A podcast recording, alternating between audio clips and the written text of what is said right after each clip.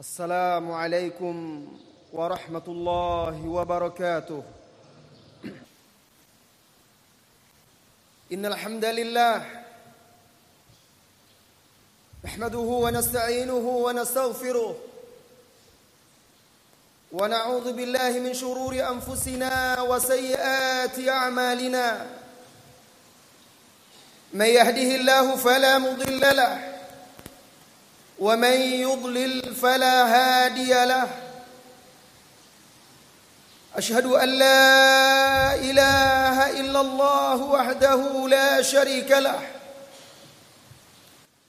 وأشهد أن محمدا عبده ورسوله صلى الله عليه وعلى آله وأصحابه ومن سار على نهجه.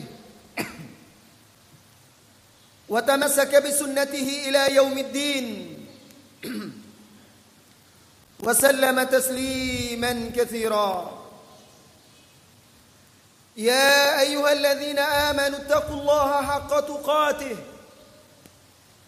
ولا تموتن إلا وأنتم مسلمون.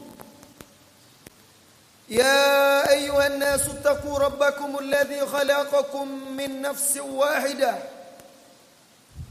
وخلق منها زوجها وبث منهما رجالا كثيرا ونساء. واتقوا الله الذي تساءلون به والأرحام. إن الله كان عليكم رقيبا. يا أيها الذين آمنوا اتقوا الله وقولوا قولا سديدا.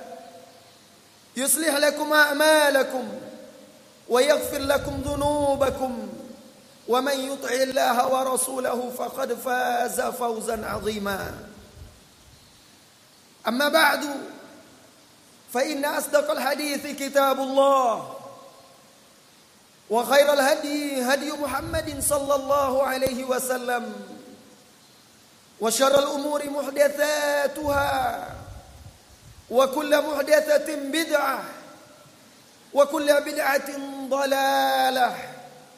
wa kulla في النار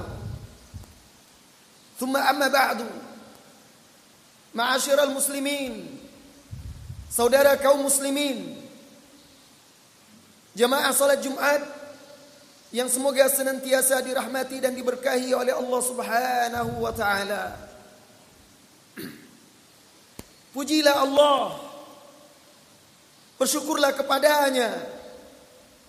Alangkah besarnya nikmat yang Allah curahkan kepada kita. Zahir maupun batin. Setiap desah nafas, denyut nadi dan detak jantung kita menunjukkan betapa luasnya dan betapa besarnya nikmat yang Allah limpahkan kepada setiap kita. Salawat dan salam untuk Nabi kita Muhammad sallallahu alaihi wasallam. Sebaik-baik suri tauladan bagi umat ini yang telah berjuang menyampaikan risalah, menunaikan amanah dan berjihad di jalan Allah dengan jihad yang sebenarnya.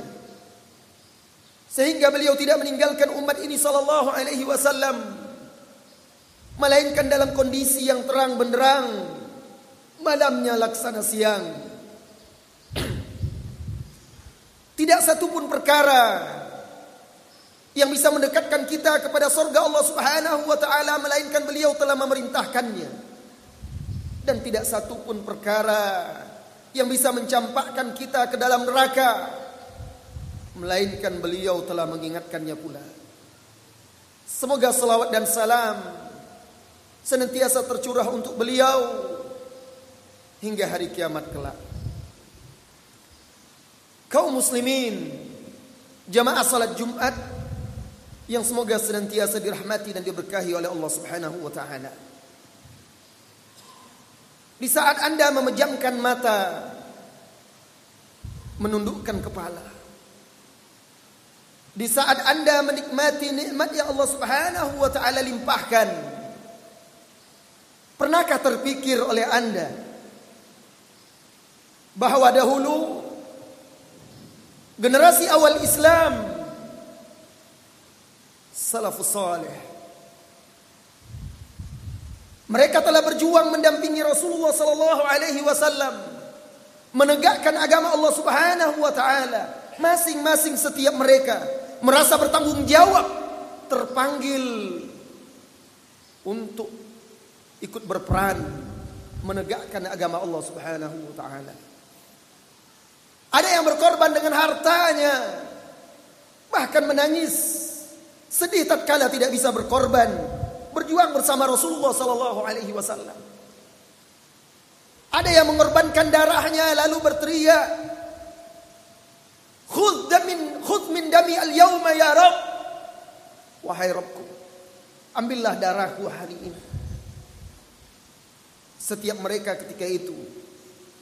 Apabila mendengar Rasulullah sallallahu alaihi wasallam bersabda berkata siapa yang akan mengusir?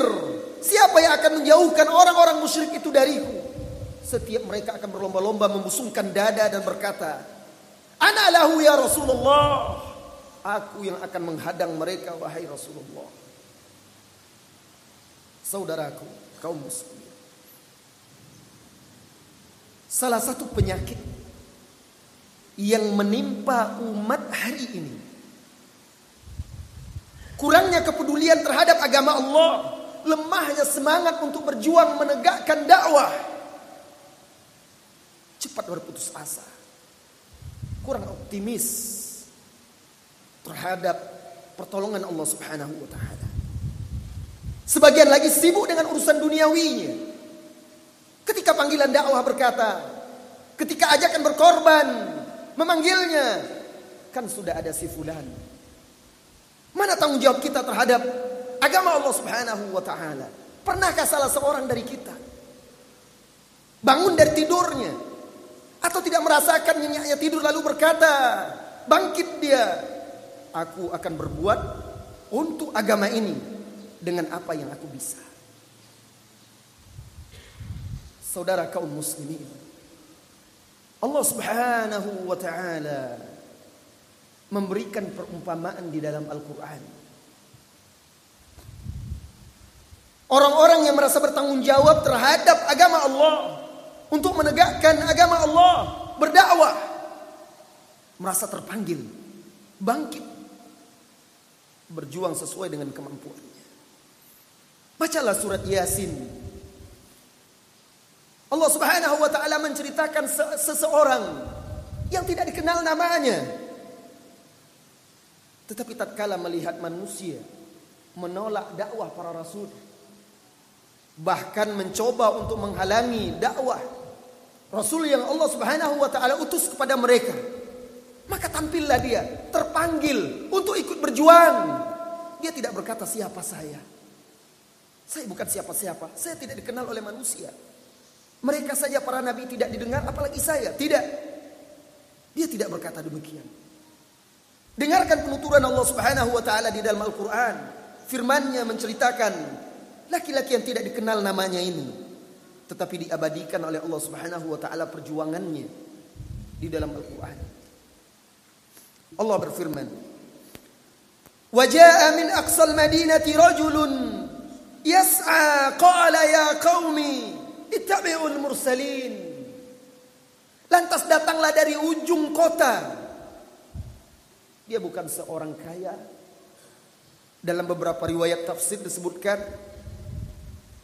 laki-laki ini hanyalah seorang tukang najar tinggal di desa di pinggir kota.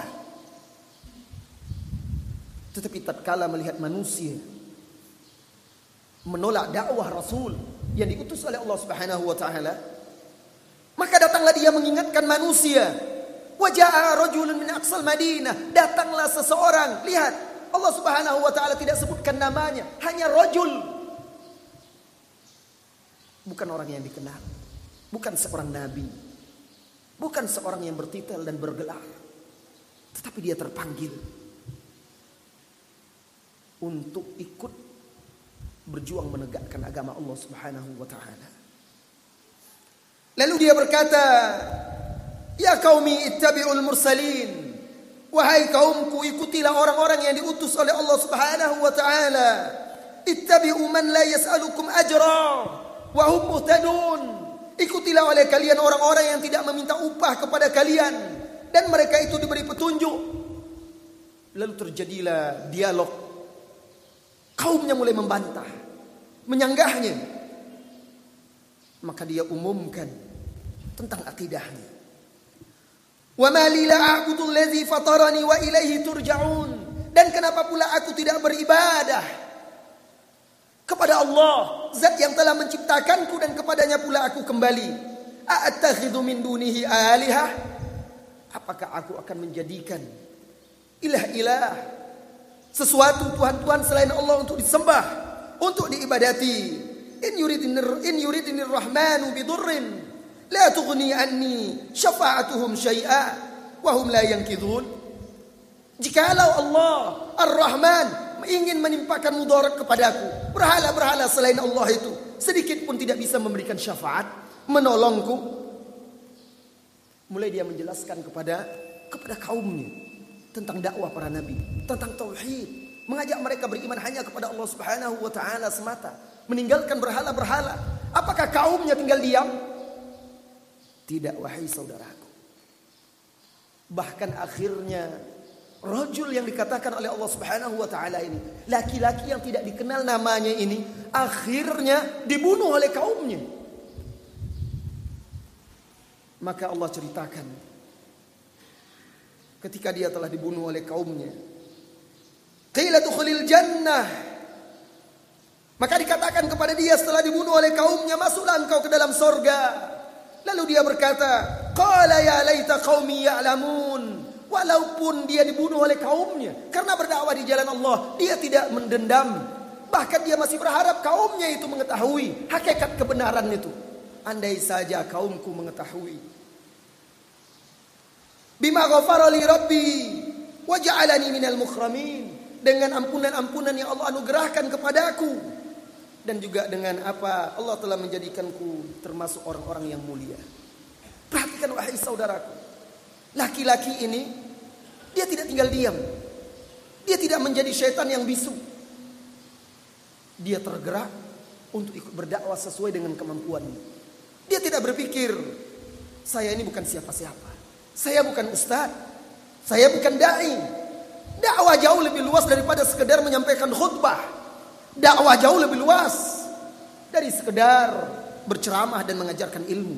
Setiap kita bertanggung jawab untuk membantu dakwah, menegakkan agama Allah Subhanahu wa taala, menegakkan tauhid, menghidupkan sunnah-sunnah Rasulullah sallallahu alaihi wasallam.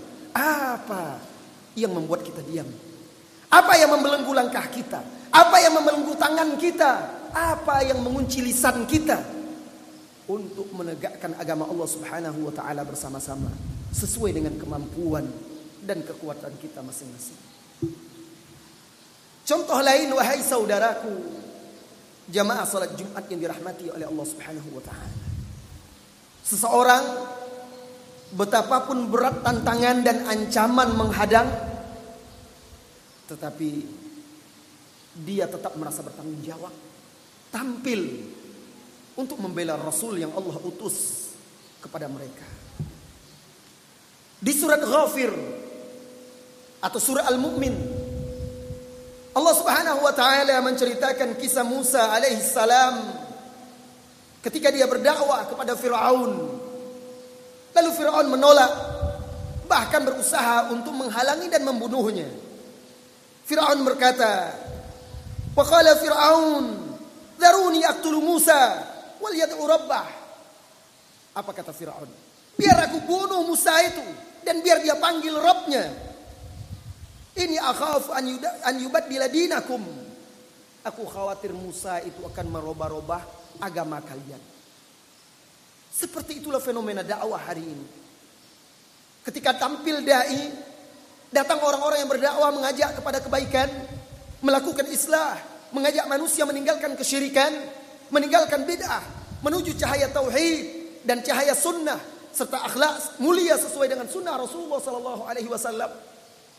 Maka orang-orang yang fanatik, orang-orang yang taklid buta, yang mengekor kepada nenek moyang tanpa dalil berkata, mereka ini akan merubah agama kita. Nah ini yang dikatakan di sini. Firaun berkata kepada kaumnya, biar aku bunuh saja Musa itu. Dan biar dipanggilnya Tuhannya untuk membela dia. Aku khawatir dia akan merubah agama kalian. An fil ardil fasad atau dia berbuat kerusakan di muka bumi. Hari ini semua serba terbalik wahai saudaraku. Orang yang mengajak kepada sunnah dianggap memecah belah. Orang yang menyuruh kepada tauhid dianggap mencerai beraikan persatuan. Dituduh berbuat kerusakan. Kemudian ketika itu tampillah seorang laki-laki. Tidak Allah sebutkan juga namanya. Orang yang ingin menegakkan agama Allah itu wahai saudaraku. Tidak peduli dia dikenal atau tidak oleh manusia. Dia hanya mengharapkan pahala dari Allah. Dia hanya mengharap, mengharapkan sorga. Dia hanya mengharapkan ridho Allah subhanahu wa ta'ala. Walaupun orang tidak mengenalnya. Apa kata Allah subhanahu wa ta'ala? Wa qala rajulun mu'min min ali fir'aun. Maka berkatalah seorang laki-laki yang mukmin dari keluarga Firaun. Yaktumu imanahu yang selama ini menyembunyikan keimanannya. Tetapi akhirnya dia tidak bisa sabar. Dia tidak tahan membiarkan dakwah itu terus ditekan. Tidak ada yang tegak untuk membela Musa alaihissalam ketika itu. Maka tampillah dia membela agama Allah Subhanahu wa taala. Dia berkata, "Ataqtuluna rajulan an yakula rabbi Allah wa qad ja'akum bil bayyinati min rabbikum Hai Fir'aun, hai kaumku, apakah kalian akan membunuh seseorang yang berkata Robku adalah Allah? Dan dia telah menjelaskan semua itu dengan bayinat, dengan bukti-bukti, dalil dan hujah-hujah yang kuat dari Rob kalian dengan wahyu-wahyu dari Allah. Wa iyyaku fa alaihi Kalau dia berdusta, biarlah kedustaan itu akan kembali kepada dia. Wa iyyaku wa iyyaku sadiqan yusibukum ba'dul ladzi ya'idukum. Jika dia benar hati-hati. Kalian akan ditimpa oleh sebagian yang telah dijanjikannya kepada kalian innallaha la yahdi man huwa musrifun kadzdzab sesungguhnya Allah tidak memberi petunjuk kepada orang-orang yang melampaui batas serta orang-orang yang mendustai Firaun tidak tinggal diam dan dia terus bersekukuh untuk menghalang-halangi dakwah yang hak tersebut. Maka dia kembali berkata, "Wa qala alladhi amana Ya qaumi ini, akhafu alaikum mithla yaumil adzab. Maka berkatalah orang yang beriman tadi, wahai kaumku, aku khawatir kalian akan ditimpa mithla yaumil adzab. Seperti ketika Allah Subhanahu wa taala menimpakan azab-azabnya kepada umat-umat sebelum kalian. Mithla da'bi qaumi Nuh wa 'Ad wa Thamud walladzina min ba'dihim wallahu yuridu wa, wa, wa ma Allahu yuridu dzulman lil ibad. Seperti yang telah menimpa kaum Nuh, kaum Ad, kaum Thamud dan orang-orang yang setelah mereka. Saudaraku, intinya Rasulullah Shallallahu Alaihi Wasallam jalan beliau dan jalan pengikutnya adalah berdakwah kepada Allah Subhanahu Wa Taala. Siapa pun yang merasa mengaku mengikuti Nabi Muhammad Sallallahu Alaihi Wasallam menempuh jalannya, wajib memiliki rasa tanggung jawab ini. Tidak pantas untuk berpura-pura tidak tahu kalau dakwah membutuhkannya. Tidak patut dia berpura-pura tidak melihat, memejamkan mata, padahal dakwah membutuhkan kemampuan yang dia miliki. Ingatlah, Allah Subhanahu wa taala memerintahkan Nabi kita Muhammad sallallahu alaihi wasallam untuk menegaskan jalannya kepada kita.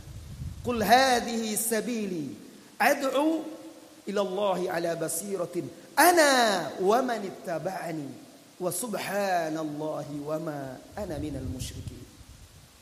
Katakanlah hai Muhammad, inilah jalanku aku berdakwah menyuruh kepada Allah di atas ilmu aku dan pengikutku maka wahai saudaraku yang mengaku pengikut Nabi Muhammad sallallahu alaihi wasallam, jangan pejamkan matamu, jangan tundukkan kepalamu. Katakan, bangkit, bangunlah, katakanlah, aku akan berbuat aku akan bertanggung jawab, aku akan turut serta membantu tegaknya agama Allah, berdakwah, menghidupkan sunnah-sunnah Rasulullah sallallahu alaihi wasallam. Aqulu qawli hadza wa astaghfirullah li wa lakum wa mu'minina min kulli dhanb. Wastaghfiruhu innahu huwal ghafurur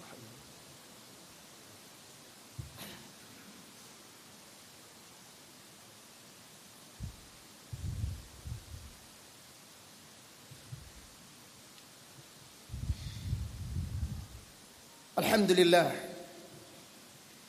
الحمد لله الذي هدانا لهذا. وما كنا لنهتدي لولا أن هدانا الله.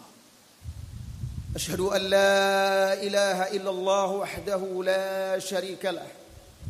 وأشهد أن محمدا عبده ورسوله صلى الله عليه وعلى آله وأصحابه ومن تبعهم بإحسان إلى يوم الدين. أما بعد. kaum muslimin yang semoga senantiasa dirahmati dan diberkahi oleh Allah Subhanahu wa taala. Di medan perang Uhud ketika kaum muslimin terjepit disebabkan oleh sekelompok kaum muslimin yang melanggar perintah Rasulullah sallallahu alaihi wasallam yang memerintahkan ketika itu 50 orang pemanah untuk menjaga punggung mereka dari musuh yang menyusup ke belakang. Tatkala di awal-awal peperangan melihat kaum muslimin berada di atas angin, musuh mulai mundur, meninggalkan perkemahan dan kem-kem mereka. 40 orang turun melanggar perintah dan larangan Rasulullah wasallam. Maka Allah turunkan ujian. Seratus pasukan berkuda yang dipimpin oleh Khalid bin Walid yang ketika itu belum lagi masuk Islam, memeluk Islam. Berputar arah. Menyerbu kaum muslimin dari belakang. Kemudian yang lari dari depan berbalik lagi sehingga terjepit kaum muslimin. Tercerai berai. Ketika itu tidak tersisa bersama Rasulullah sallallahu alaihi wasallam kecuali 12 orang terjepit, tersudut di kaki gunung Uhud. Dikepung dan dikejar oleh orang-orang musyrikin yang berusaha membunuh Rasulullah sallallahu alaihi wasallam. Ketika itu Rasulullah sallallahu alaihi wasallam berkata, "Siapa yang menghalau orang-orang musyrik itu dariku?" Maka tampillah Tolha, "Ana ya Rasulullah, aku ya Rasulullah." Rasulullah Shallallahu Alaihi Wasallam berkata kepada dia, "Kama ant, engkau tetap di tempatmu." Lalu tampillah seorang ansor. Anak ya Rasulullah, aku yang akan menghalau dan menjagamu dari mereka, wahai Rasulullah. Maka tampillah dia bangkit berjuang sampai akhirnya dia gugur. Kembali orang musyrikin itu mengejar Rasulullah Sallallahu Alaihi Wasallam, mengepungnya. Rasulullah Sallallahu Alaihi Wasallam kembali bersabda, Man lihaula, siapa yang akan menghadang mereka? Tolha bin Ubaidillah kembali berkata, Ana lahum ya Rasulullah, aku yang akan menghalau mereka wahai Rasulullah. Kama ant, tetap di tempatmu wahai Tolha, kata Rasulullah sallallahu alaihi wasallam. Maka tampillah sahabat Ansor yang kedua, maju berperang, kemudian gugur, lalu mereka orang-orang musyrik kembali menyerang Rasulullah Sallallahu Alaihi Wasallam. Begitu terus satu, dua, tiga, empat, lima, enam, tujuh, delapan, sampai sebelas orang sahabat Ansor gugur satu persatu. Tinggallah yang kedua belas Talha bin Ubaidillah mendampingi Rasulullah Sallallahu Alaihi Wasallam. Lalu Rasulullah Sallallahu Alaihi Wasallam kembali berkata, Man lihaula falahul jannah. Siapa yang akan menghadang mereka maka untuknya surga. Maka tampillah Tolha bin Ubaidillah. Lalu dia berkata, Ana lahu ya Rasul, ana lahu ya Rasulullah. Aku yang akan menghadang mereka ya Rasulullah. Maka berperanglah dia seorang diri seolah-olah 12 orang. Berperang. Dengan kemampuan dan kekuatan serta semangat 12 orang. Menghadang orang musyrikin itu. Sehingga sampai-sampai sebuah anak panah meluncur. Ke arah tubuh Rasulullah Sallallahu Alaihi Wasallam dihadang oleh Tolha dengan tangannya. Sehingga putus jari jemarinya. Ketika itu Talha bin Ubaidillah menderita luka lebih dari 24 luka. Di kepalanya, di pundaknya, di seluruh tubuhnya. Darah mengucur dengan deras. Hampir-hampir saja dia pingsan. Setiap kali dia hampir jatuh sempoyongan pingsan, dia kembali bangkit. Lalu digendongnya Rasulullah Sallallahu Alaihi Wasallam, dibawanya mundur ke arah ke arah pinggang Gunung Uhud.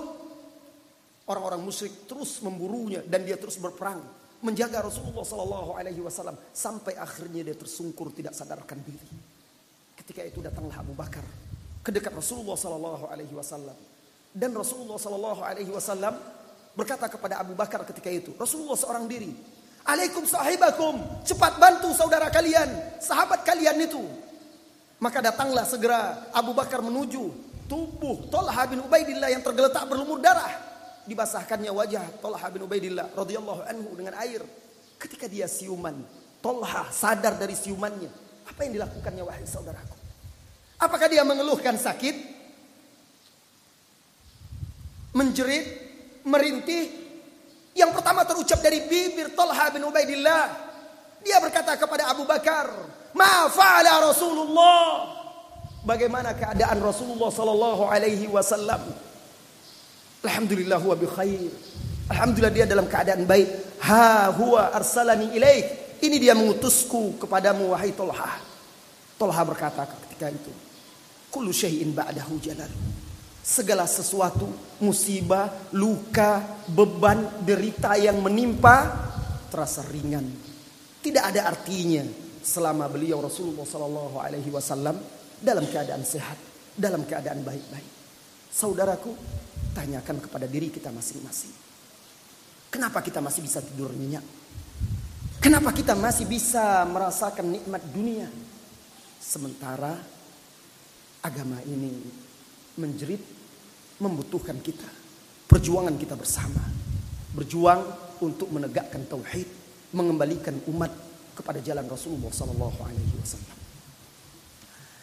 Kaum muslimin semoga khutbah yang singkat ini bisa menggugah hati kita, menyadarkan kita dari kelalaian, membakar semangat kita untuk kembali menuntut ilmu, mengamalkannya dan berjuang bersama-sama di atas jalan Rasulullah sallallahu alaihi wasallam.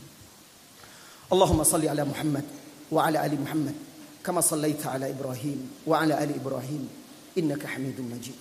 Muhammad wa ala ali Muhammad kama barakta ala Ibrahim wa ala ali Ibrahim wal muslimina wal muslimat al ahya'a minhum wal amwat. Allahumma ihdina as-siratal mustaqim. صراط الذين أنعمت عليهم غير المغضوب عليهم ولا الضالين اللهم يا مقلب القلوب ثبت قلوبنا على طاعتك على دينك ويا مصرف القلوب صرف قلوبنا إلى طاعتك اللهم إنا نسألك حبك وحب من يحبك وحب كل عمل يقربنا إلى حبك ربنا آتنا في الدنيا حسنة وفي الآخرة حسنة. وقنا عذاب النار. وصلى الله وسلم على نبينا محمد. والحمد لله رب العالمين.